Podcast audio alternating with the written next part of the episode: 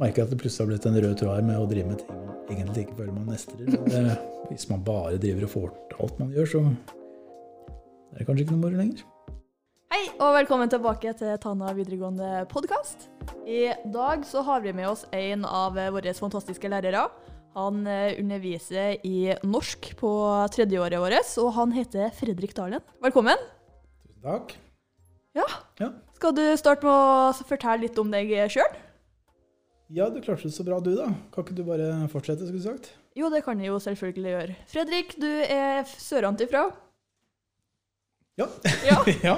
ja, det jeg kan plukke opp, jeg. Ehm, navnet mitt har du jo sagt, så det trenger jeg sikkert ikke å si en gang til. Jeg er fra Eidsvoll. Født i 1985, dvs. Si at jeg har blitt 35 år. Underviser norsk. Kom til Tana videregående i 2018. Og er her fortsatt.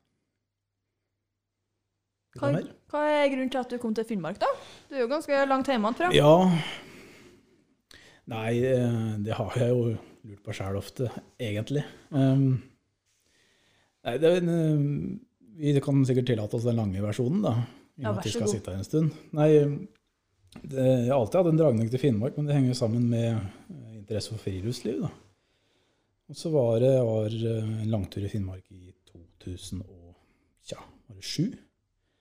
Eh, hvor jeg var på Loffen, ganske enkelt. Og så rota jeg meg bort i eh, Sven Engholm i Karasjok, som driver med bikkjer. Og så der, der skulle jeg egentlig bare overnatte en natt eller to, og så endte det om at jeg ble der i et par uker. Og så tror jeg det skjedde noe, skjedde noe der, både med eh, hva skal man si, eh, auraen rundt Engholm og det han driver med der, men også Finnmarksnaturen. Så det har liksom vært en dragning mot det egentlig helt siden. Og så i frykt av å gro fast i Eidsvoll og ja, ikke følge det som var en slags drøm, da, så fant du at du skulle reise hit i 2018, som sagt. Jeg har ikke noe bedre svar enn det, egentlig. Nei, men det er jo ganske bra, det. Ja, Ja. Men Du så ut som du ville ha mer. Nei, nei, det er du. Si nå det du vil. Ja. Da tok du meg samboer og kom hit til Tana. Ja. Og du har fått jobb her på Tana videregående. Ja. Da Man man var ute etter en norsklærer her, da. Og Tana er i Finnmark. Og da blei det Tana. Det har du helt rett i. Ja. Fint at du ikke er geografilærer. Ja, jo takk. ja. Men eh, det er jo litt eh, artig, da, for du bor jo ikke i Tana, selv om at du jobber her. Nei, ja, det er artig. Det kommer an på øyet som ser det, men eh, Nei, det var eh, Det også er mye tilfeldighet, selvfølgelig, men eh, det starta med at vi skulle, vi skulle være her et år. Det, her var utgangspunktet min idé, men eh, Maria, som jeg bor med, da, hun også um, har hatt en fascinasjon for Finnmark, så, så det var ikke mye overtall som skulle til. Men uh, vi skulle først og fremst være her et år for å gjøre noe annet. Vi, vi hadde egentlig veldig bra i Eidsvoll òg, men så tok det egentlig ikke så lang tid før vi begynte å se etter en plass å bo. Og da begynte jo først å titte litt rundt i Tana, men så, så utvida etter hvert søket, og så eh, var det noe eh, Et nedlagt gardsbruk, kaller de det. For det er det det er. Eh, som var til salgs i Pasvik. Og da vi dro dit på visning, så, så, så bestemte vi oss egentlig bare med en gang. Og, og mye av for- forklaringa jeg har prøvd å finne etterpå, da, hvorfor det ikke ble Tana, kanskje, er at det, det er mye med eh, det er, eh, mye fint å si om Tana, men eh, det er enda lettere å si hva som er negativt med Tana. det er at Det er ikke noe vintergrønn skau her. Da er du født og oppvokst på indre Østlandet, så, så savner man fort, eh, fort det. Og noe finere skau enn i, den som er i Pasvik, er vanskelig å finne. Så da ble det Pasvik. Og så får jeg lov til å fortsette å jobbe her, da. Fordi man klarer å tilpasse. Ja. Det betyr jo at du må jo bo noen dager i uka i Tana òg, da. Ja, eh, vi, vi har fått det til sånn at vi har fått konsentrert an undervisninga her på tre dager. Og så, og så er jeg en, en kort, kort ukependler, da. Jeg kommer tirsdag morgen, reiser tirsdag og da har jeg alt av eh, undervisning på de tre dagene. Og så er det eh, hjemmekontor på mandag og fredag. Det er ganske greit. Ja, veldig Ja. greit. Trives ekstremt godt med ovale weekender. Ja. Det er forståelig. Ja. Men eh, Du nevnte jo det her med at eh, da du var på denne eh, turen din i Finnmark, Ja. så kom du borti det her med hundekjøring. Ja. ja, det hører kanskje med i historien det òg, at det er jo selvfølgelig en svær bonus at det er den skolen det var da jeg søkte. Altså norsklærer, det trenger man jo overalt. Men jeg driver med hundekjøring sjøl, det var jo det det endte med, da. Som det gjerne gjør, har jeg skjønt, når man først får liksom innblikk i den hundekjørerverdenen. Så fikk jeg jo bikkjer fra samme mann, Engholm, og så Jeg fikk først to. Beklageligvis, eller heldigvis, ett altså, ei bikkje av hvert kjønn, og så bare liksom balla, balla det på seg av naturlige årsaker deretter. Og så har jeg glemt spørsmålet. Var det spørsmålet der? Eh, ja. Det var egentlig bare det her med hundekjøring. Ja. Ja, nei, jeg tror jeg sa noe sånt, at det er jo en utrolig bonus, fordi eh, hundekjøring har jeg skjønt, det er jo et fag eh, som, som andre fagområder, men det er også så mye Det virker som det er én overbevisning eller en slags skole per hundekjører. Altså alle har liksom sin versjon av en, eh, av en slags sannhet. Som, også I tillegg til at hundekjøring som både idrett og eller, ja, som aktivitet er liksom innhylla en slags mystikk da, som gjør at romantisert på et vis. Så det blir veldig fascinerende og litt sånn eh, skummel verden å fordype seg i fordi man forsvinner helt. Og det gjorde det enda mer interessant å komme hit, hvor det eh, er snakk om et, eh, et fagmiljø da, hvor det er andre bikkjefolk som det går an å spørre litt råds. Fordi etter at ja, Sven, som jeg har nevnt noen ganger, alt var jo første innblikket, og etter det så har han vært aleine med dette i snøtt ti år, har jeg holdt på med bikkjer, da. Og hvor du føler at du gjør alt feil, egentlig. Og så lærer man litt, og så tråkker man i et nytt høl. Så, det er spennende å lære andre, og så er det også veldig tilfredsstillende å- høre at det, det er mye det læring går i også hos andre hundefolk, at det er, det er mye feiling. Og det er eh, et, eh, et grunnløst, eh, grunnløst fag, egentlig. Gjør det litt vanskelig å komme inn i det miljøet, da. Altså, det virker jo ikke som at det er noe fasit. Nei, eh, nei, det er akkurat det. Eh, Både og, kanskje. Også her var det jo veldig enkelt og greit. Derfor her har vi vært plumpa ut i et, et kollegium hvor, hvor det er veldig lett å spørre folk. Og det er jo flere folk på skolen her som driver med bikkjer. Eh, elever som driver med bikkjer, så det, det er veldig mye, altså, lett å komme inn sånn sett. Da jeg flytta til eh, Pasvik òg, der er det egen trekkenklubb og andre folk som driver med dyr. og, og der har jeg også opplevd at det er veldig imøtekommende. eh, Miljøet og det er et godt inkluderende miljø. Men så er jo den altså, I hvert fall den romantiserte delen av hundekjøring er jo ikke akkurat den mest sosiale aktiviteten. Det det er en enmannsgreie hvor man jobber med dyr og står på sleden i timevis. Så det er jo en eh, I hvert fall eh, myten sier at det er gjerne en haug med introverte einstøinger som helst ikke vil ha med andre folk å gjøre, da. Men eh, jeg opplever vel ikke det når jeg har støtt på de ulike miljøene. Nei. Det må jo være veldig kult da, når det fungerer, og du begynner å få litt eh, kustus på det, og ute Bikkjekjøring, med ja. og Ja, det er det. Men det, det, er, det er utrolig frustrerende fortrinnsvis. Men det er jo kontrasten som gjør sånne ting interessant. Ja, det, det første feilen som jeg har skjønt, da, som, som ikke bare gjelder hundekjøringa, men som folk fort havner i, er at man tror at alle andre er flinkere og har mer peiling enn seg sjøl. Og, og, så- er man litt for god til å eh, ja, mentalt sett straffe seg sjøl for ikke å få til ting. Da. Men det er utrolig tilfredsstillende, som du er inne på, når, når du da faktisk føler du får til, og ting stemmer. Gjerne på slutten av en sesong, det da, hvor, hvor du har holdt med mer intensivt en periode. Men eh, det er frustrerende hvis det er bikkjer som ikke går overens, eller, eller altså, du føler at du ja, rett og slett ikke får det til.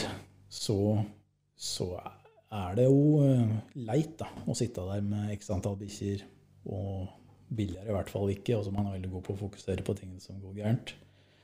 Men så er det da de gangene hvor det bare bokstavelig talt glir, eh, glir sånn knirkefritt, og, og man Nei, det er, det er vanskelig å si at det er en sånn, der, sånn mestring i form av en lykkerus. Altså.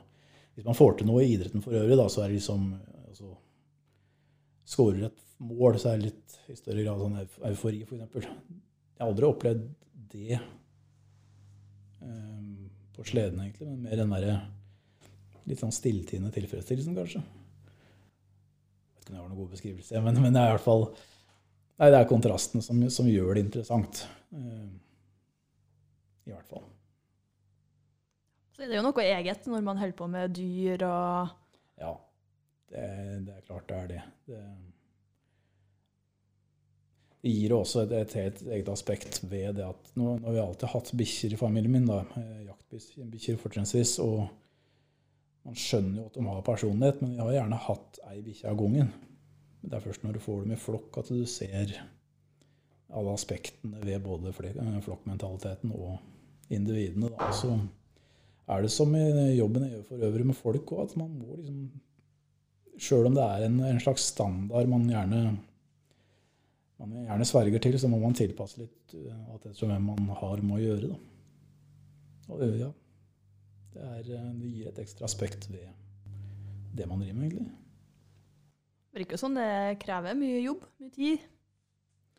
Ja, det, det tror jeg så er vanskelig å komme utenom. Men der òg tror jeg du i stor grad er hva det er man gjør det til. Altså. Men eh, det er jo en slags minsteinnsats med bikkjer som trenger, trenger stimuli. Du kan liksom ikke sette dem bort hele sommeren og så ta dem fram når du skal. Har du deltatt i noe løp, da? Nei, det har jeg ikke gjort. Mest på hobbybasis? Ja. Er det plan å delta i noe? Mm, Nei, det er det ikke. Spør meg om jeg, om jeg hadde tenkt å delta i løp før, da. Hadde du tenkt å delta i løp før, da? Ja, det hadde jeg. Hva skjedde? Ja, ikke sant? Jeg følte jeg spilte opp den, den der, da. Det gjorde du. Nei, det, fordi jeg er ikke noe Jo, jeg er konkurransemann, det, det hadde jeg ikke tenkt å si. Men, men det er ikke den delen av hundekjøringa som jeg syns virker spennende. Ganske enkelt. Konkurrere mm, Konkurranse, da har man jo et definert mål, ikke sant. Det er jo da man skal vinne, da, fortrinnsvis. Den der delta for å delta er ikke helt jeg er ikke helt overbevist om at, at alle er enig i det. Eh, og da må man nødvendigvis ofre noe for å, for å klare å tune inn på et så definert mål. Og det er jeg ikke helt villig til. Verken på, på bikkjene eller mine egne sin vegne. Fordi det tar nok tid som det gjør. Om jeg ikke skulle Ja, det tar nok tid som det gjør. Det er gøy å bare kjøre òg, da. Det er det. Ja. Det er nettopp det. Men eh, ja, dere bor jo på småbruk. Mm. Har dere noen planer der, da? Skal dere drive litt, eller eh, Ja. Eh, Må være litt forsiktig hva han sier nå, for det blir jo forpliktende. Er, jeg har jo lyst til det, men jeg kan jo ingenting, da. Det, det er litt det. Altså, vi har hatt noen gulrøtter og noe potet og sånn for moro skyld før. Og denne gården her er jo 500 mål omtrent. da. Klart, halvparten er vel fortsatt udrenert myr og kommer til å forbli det til evig tid, men det hadde jo vært veldig moro eh, denne gården vært hvis eh, altså de vi kjøpte av, mente å huske det var i 66 at denne eh, sist var dyrka, da. Så nå har vi ligget brakk mange år. Det hadde vært veldig moro å få i stand igjen, fordi det føles liksom som bortkasta at det ligger, ligger brakk. Og så er det litt at det er Det er noe fascinerende med det òg. Å lage sin egen mat. Men som sagt har jo virkelig ikke peiling. Så Du jobber jo på rett plass for å lære litt, da. ja, det er nettopp det, vet du. Ja. Så, så Helge, som eh, jeg venter på at dere skal få inn hit òg, egentlig, før han pensjonerer seg, har jo lært massevis av han allerede. Og så har jeg klart å egle meg inn på at jeg skal få være med nå til våren da, med å sette i stand en økohagen her ute. Så da får jeg sikkert lært litt av han. Og så har jeg jo også drevet med noen studier siste åra nå som har med økologisk landbruk å gjøre. Da. Så tar vi det steg for steg. Så får vi se hvor det ender opp hen. Høres jo veldig spennende ut, da. Ja, det er det, altså. Det merker jeg at det plutselig har blitt en rød tråd her med å drive med ting man egentlig ikke føler man mestrer. Men det, men det er jo det som er eh, Det man lærer av. Ja, altså det som er moro. fordi hvis man bare driver og får til alt man gjør, så ja, det er kanskje ikke noe moro lenger. Da kan vi jo gå over til noe som vi vet at du klarer, og det er jo å være lærer. Ja. Ja. Du er jo sjefen for eh, påbygg her på Tana Vegas. Var det et spørsmål? Påstanden? Ja. Ja. Ja, du er jo det. ja du sier jeg får til, ja. Hva mener du med det, da? Nei, du, altså, du har jo siden du kom hit satt ganske sånn hårete mål for påbyggsklassen. Ja. det er dit du vil, ja. Ok. Ja. Ja, men det har jeg ikke fått til, da. Eller kommer an på øyet som ser, kanskje. Eh, hvor skal vi starte den her, da, Borghild? Eh, målet var å bli Norges beste påbyggerklasse ved Tana videregående. Og det er jo hårete, fordi det er mange, mange påbygg- påbyggklasser i Norge, og mange påbyggklasser gjør det veldig bra. Og det ligger fryktelig mye jobb bak å bli best i noe som helst. Men det var øhm, Det kom til Tana altså, Jeg har jobba på Nes videregående før da. Det er en skole som ligger i eh, litt nordøst i Akershus. eh, Som også har påbyggklasse. Og det jeg var vant med ifra kall det Akershus-skolen, der i Nes, eh, det var helt andre forhold enn her. Både geografisk sett, for det første, men også demografisk sett. Og, og eh, ja, skolekultur. Det var noe helt annet. Eh, Og utrolig frustrerende, selvfølgelig, i starten, når man går fra en kultur til en annen eh, med å tilpasse seg. Men så så jeg at de forholdene som er her, hvor vi er forholdsvis få eh, Vi er tettere på hverandre enn jeg opplevde var på Nes. eh, På godt og vondt, kanskje, men særlig på godt når det kommer til det med med relasjoner, egentlig. Altså lærer-elev-relasjoner hvor vi blir veldig godt kjent med hverandre. Det er en del forutsetninger som ikke er på plass andre steder, som jeg tror er veldig fordelaktig når man skal drive skole. Og særlig et sånt påbyggsløp som er veldig tøft, og som er vanskelig å få komme gjennom hvis man, eh, hvis man ikke tar hensyn til også det sosiale rundt det som, eh, altså rundt eh, en ellers hektisk skolehverdag å gjøre, da. Så, så hvorfor ikke altså, kline til med, med en litt voldsom ambisjon, og så, og så jobbe deretter, da. Og så får noen andre avgjøre hvorvidt vi får det til eller ikke. Eller det var forresten en annen side av saken, da. Hva som egentlig er den Norges beste, og det tror vi heller ikke blitt helt enige om, åssen det skal måles. Så, så det er jo eh, sånn sett også en litt trygg målsetning, da, for det er vanskelig å tilbakevise hvorvidt jeg har lyktes eller ikke. Ja, for det som er interessant med en påbyggskasse, det er jo at da får man jo elever fra overalt. Ja. Du får jo elever som har gått det tradisjonelle videregående løpet, og som skal fullføre tredjeåret. Så Mm. får du elever som har tatt eh, fagbrev, og så har lyst til å ta det ekstra året. Ja, og så er det Bakgrunnen er noe veldig mangslunken, og det, det er det jo andre steder òg, men jeg opplever på, påbyggklasser, for å ta det først. Eh, eh, påbygg er jo kort sagt en eh, Du henter opp igjen mye av det tapte hvis man har gått yrkesfag. Det er det det er snakk om. Så det blir veldig teoritungt. Og gjerne yrkesfagselever som er vant til mye praksis, som blir kasta inn i klasserommet og sitte der i mange timer er det? Rundt, jeg kommer an på fag de velger, men rundt 30 timer i uka. Ja, Ti timer norsk, blant annet, i løpet av Ja. en uke. Det syns jeg er en velsignelse mer enn forvandlelse, men, men, det, men det er jeg ofte ensom om å mene. Men poenget er i hvert fall at det er, det er tøffe greier. Og ikke minst det er motivasjonen for det også. Det er mange som havner der i mangel av noe bedre. Og det er jo egentlig et ganske dårlig utgangspunkt, da. Um, Men det som skjer da, at vi får jo klasser som har eh, spriket. Både de elevene hvor det er en, en, en prestasjon å stå og gjennomføre alle fag. ikke sant? Og i samme klassen så kan det sitte elever som, som er eh, toppelever, altså som trives i et klasserom, og som eh, si, er vant med klasseromsundervisning, og hvor det faller litt lettere for. Og det er vanskelig å få altså, å gjøre alle til lags da. Er det spørsmålene der som jeg har glemt igjen nå? Eh, nei, ikke egentlig. Nei, Okay, bra. Jeg tror egentlig bare ga deg en påstand, og så Ja. snakka du. Ja. Og, og påstandene. Uh, hårete mål. Ja, Ja. det var jeg vel enig i. ja. Ja. Eh, Hvordan er det å prøve å motivere elever? Det er jo som du sier, de kommer jo og skal gjennomføre et ganske krevende år. Ja, ja. Nei Åssen er det, ja? Det, ja.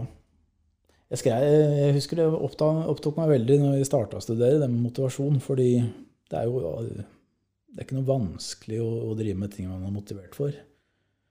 Um, men det er vanskelig å klare å motivere seg for ting man egentlig ikke er så motivert for. Så jeg, fall, jeg prøver i hvert fall å skille mellom motivasjon og dedikasjon, jeg, da. Um, Hvor Jeg veit ikke hvor mye som når fram.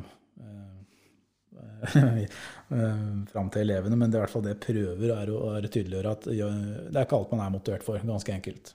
Eh, Men så skal man nå igjennom, da. Vi skal igjennom liksom samme greia hele gjengen.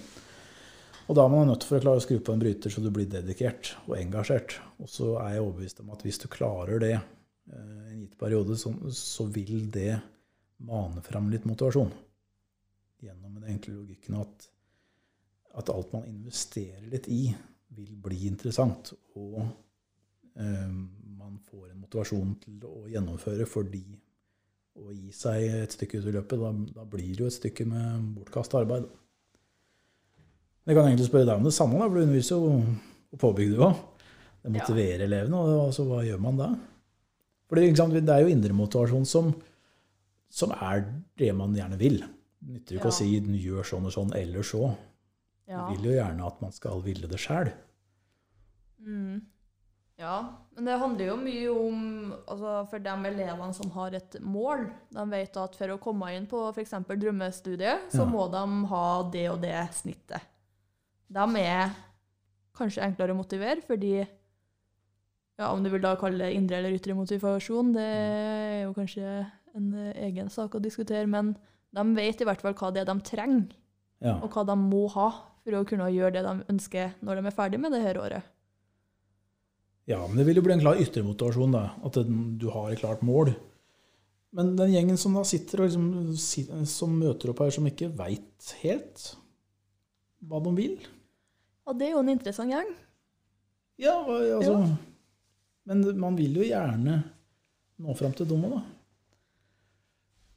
Ja, det er nettopp det. Ja. Men dette tror jeg er et eh, spørsmål Ja, veldig mange lærere sånn tenker på i løpet av en dag. Men, uh... Det blir fort sånn når man først begynner å tenke seg om, så er det lett å ta litt. Men, men det er jo det som er, altså, er spennende med jobben vi gjør, da, altså, som har med pedagogikk å gjøre, er at man, man, man kommer jo aldri i mål. Det er eh, Ja. Slår meg at jeg sa jo egentlig akkurat det samme om hundekjøring òg. At man, man kommer aldri i mål. Man, man jobber eh, etter ja, beste overbevisning, og så må man revurdere egen praksis for hver eneste runde man gjennomfører. Også. definitivt. Men eh, vi har jo òg med oss en som var elev til oss i Ja. fjor. da. Så kanskje han kan komme med noe svar og fasit på hva er det som skal til for å få Ja, nei, jeg, motivasjon. jeg vet ikke. Gunnar. Um, mot, jeg vet ikke, sjøl føler jeg jo at man egentlig bare er Man er jo bare motivert eh, på solskinn, solskinnsdager.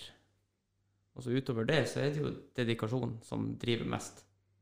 Eh, er sjelden at man er motivert i desember og januar når det er mørkt. Eller i november når det ikke er sne og det også er mørkt. Så da er det egentlig bare, i hvert fall for min del, at det har ikke vært så mye motivasjon eh, som det har vært dedikasjon. Eh, bortsett fra når jeg skulle få bedre snitt enn pappa. Men utover det, så Og det er jo ytre motivasjon, men det, og hva jeg skal bli og sånn, det vet jeg jo ikke. Så Men det er jo en super, eh, super motivasjon, det også, da, eh, såkalt sunn konkurranse. Og, men eh, hvordan det skal funke i klasserommet, er kanskje et annet spørsmål. Hvor man setter opp en sånn liste, da, kanskje. hvis du ser for deg det. Ja, hvor mange av dere klarer å slå faren deres? Ja. det blir litt sånn. Nei, så jeg vet ikke eh, hva som fungerte. Nei, det funka jo for meg. Ja. Men jeg har jo ikke følt at dere har mast så fryktelig mye heller. Så det, det er kanskje litt sånn individuelt. Ja. Men åssen eh, åssen opplevde du liksom, å være påbygger? For vi lærere sier jo gjerne at det, det er tøffe greier og det er mye fag osv., men eh, Jeg gikk jo studieforberedende naturforvaltning. Nei, studieforberedende naturbruk. ja. Så da hadde jeg naturforvaltning hver uke. Og vi var ute på tur med Bjørn. Og vi hadde litt innundervisning med han, men det var lite. Ja. Så vi var jo ute hver uke. Og jeg hadde to hunder som jeg trente stort sett hver dag. Så det var ikke så stor overgang fra yrkesfag til påbygging. Nei. Eh, Men det hadde nok vært mye større hvis jeg skulle valgt eh, vanlig påbygging med biologi. Jeg vet ikke hvordan det hadde vært. Og så i norsken, som er ti timer i uka, så gjorde vi jo mye forskjellig. Så det, jeg, det var kjedelig og trasig av og til. ja vel. Men eh, jeg kom jo til mål. Og jeg er nå fornøyd med både innsats og resultat. Mm. Nei, jeg, jeg syns det var bra. Jeg vet ikke hva jeg skal si, hva, hva dere lurte på. Nei, men det er noe jeg lurte på, ja. Det var jeg som stilte spørsmål, var ikke det? Jo. Det er Jeg prøver jo, da. Eh, Så kan jo du gjerne kommentere hvorvidt jeg har fått det eller ikke, Brynjar. Eh, Men det handler jo om Det er samme hva jeg vil, ikke sant. Ja, det å ha ambisjoner på deres vegne er jo eh, egentlig bare tull. Fordi hvis jeg setter et ambisjonsnivå, så er det jo mine ambisjoner, da.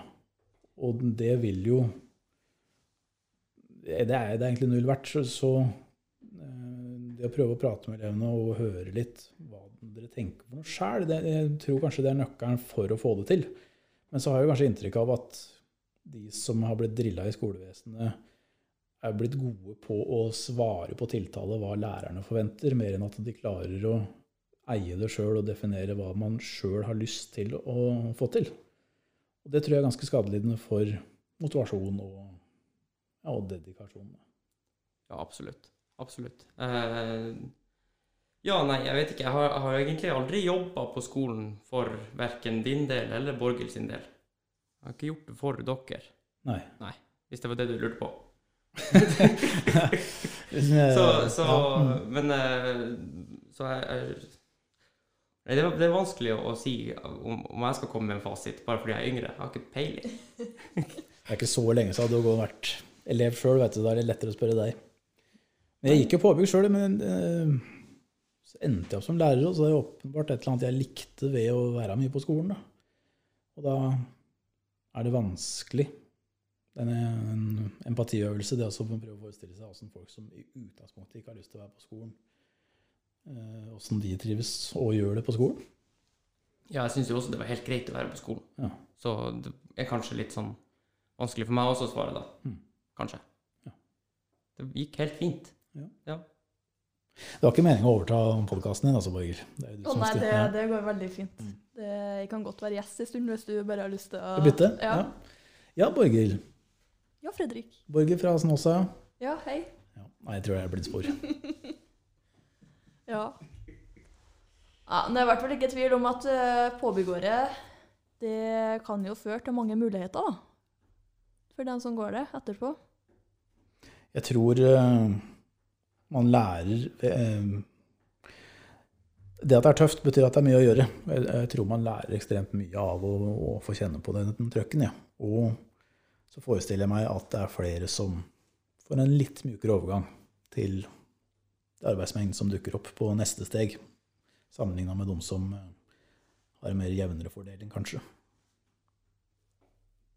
Ja. Ja, jeg prøvde å ta det opp med elevene som skulle ha nynorsk i dag. Ja, At når videregående er over, da starter livet. da starter nynorsken. Ja, da starter Ja. nynorsken, ja. Så jeg vet ikke om jeg klarer å nå helt gjennom til dem, Nei. men uh... Nei. Nei, da, vi skal heller ikke diskutere nynorskens plass i norskfaget, kjenner jeg. Men, eh, men jeg tror det er flere, som, eller flere temaer som oppleves som litt overflødige. Og hva er vitsen med det her, da? Og da er igjen. Er du dedikert, så kommer du i hvert fall igjennom. Ja, det har du helt rett i. Det er jo mye med det her eh, Når skal vi bruke det her, og når får vi bruk for det, og Ja. hva er poenget med å lære alt det her? Har du noe fasitsvar på det? ja. Ja, jeg har prøvd å svare ordentlig på det for uh, mange år siden. skulle sagt. Da jeg starta være der, sånn liksom, dikttolkning av hvorfor skal vi drive med det. Og prøve å da lire av seg et eller annet svar som man har lest i en, annen litteraturhistorie, eller hva det skulle være. Det er jo bare tull. Og, og svaret er jo sannsynligvis så har du null bruk for det. Men det er, det er noe med det at uh, mange bekker små. ikke sant, At du kan ikke alltid vite hva det er du har bruk for. Og eh, norskfaget som andre fag er jo dannelsesfag. Vi jobber med folk og holdt på å si skaper folk. Det alt man har mellom øra, er jo med på å, å, danne en identitet og forme folk på stort sett godt, da, tror jeg. Så bare insistere på at det, det er ålreit å kunne ting bare for de. Og hvis du kanskje får bruk for det på en quiz en gang, så er det en slags bonus. Det er, for det er det man argumenterer med, ikke det? Dette ja. kommer på quiz. Ja. Det kan komme på quiz. Mm. Ja. Fun facts. Ja. Det er greit å ha. Ja, det er akkurat det. I år da, så blir det jo bare muntlig eksamen på denne gjengen vår. Ja. Når det ikke blir skriftlig. Ja. Det fører jo kanskje til at det blir ja, en eh, litt eh, roligere innspurt enn hva det vanligvis ville vært. Så jeg tenker for dem som da har lyst til å være russ, så skaper det kanskje muligheter. Nei, nei, nei, nei, nå må ikke du eh, sette griller i ubåten. Nå får du en bedre tid til å være russ, er det det du mener? Ja. ja. Argumentet som er brukt fra Elevorganisasjonen bl.a., er, jo, er jo at man har eh, hatt dårligere skole. og Derfor tar ting lengre tid. Og ved å fjerne eksamen så får vi tid til å komme gjennom alt vi ellers ville ha kommet gjennom på normert tid. da. Derfor skal vi ta vekk eksamen. Så for å følge den logikken, så, så har vi jo dårligere tid.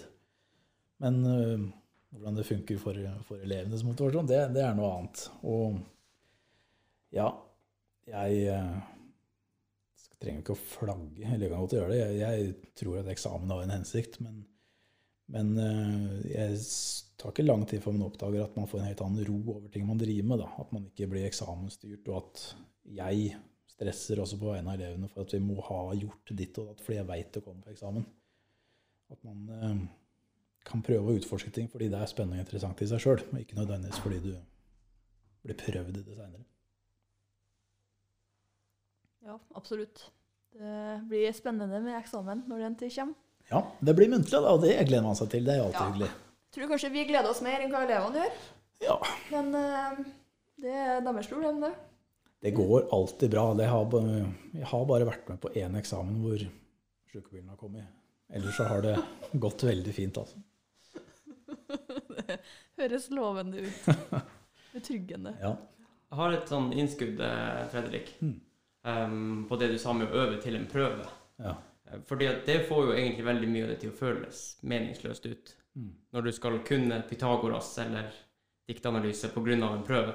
Ja. Så er det jo fram til prøven, og så aldri bruk for det igjen. Og det føles, ja, men det føles veldig tomt. Men, ja, men, men, alt det der er jo Så når du slipper det akkurat sånn, sånn, som du sier, at man får en ro over det, at man lærer for å lære Jeg tror det er det som eh, Jeg tror det er det som er fint, at man forstår hvorfor man lærer. Ja, hvis man klarer å gjøre det interessant, ikke sant. Det, ja, når jeg skulle kjøpe plank, så måtte jeg jo regne Pythagoras. Ja. ja. Skal til å si det, det er det én ting man trenger for matten hvis man er litt sjølbygger eller kjøper et gammelt gårdsbruk, så er det jo Pythagoras, da. Bygd nok av skeive plattinger før man fant ut at man kunne, kunne regne seg fram til det på forhånd.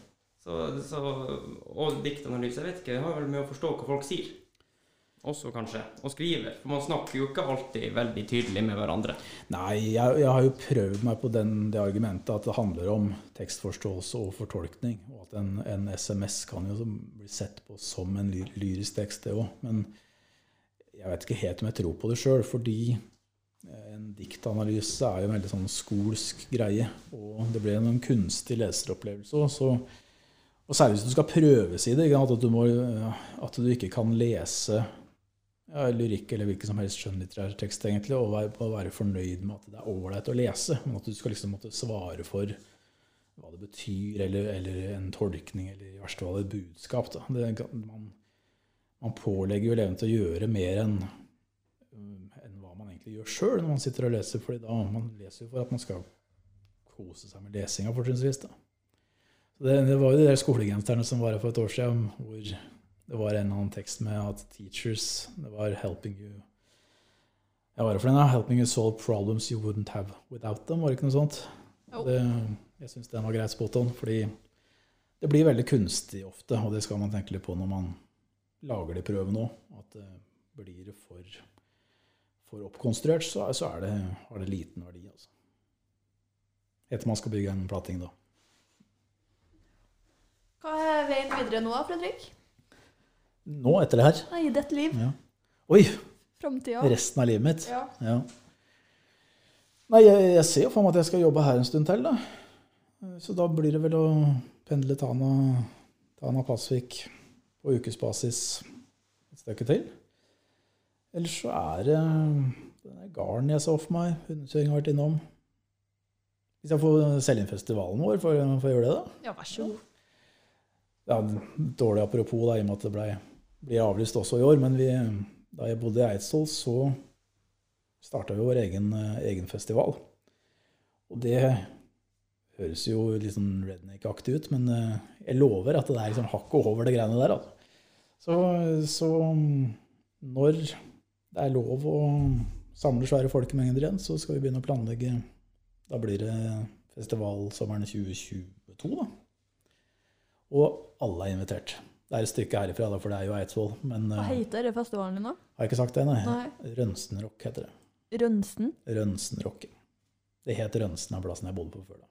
Og dette er i da hagen hvor jeg bodde før.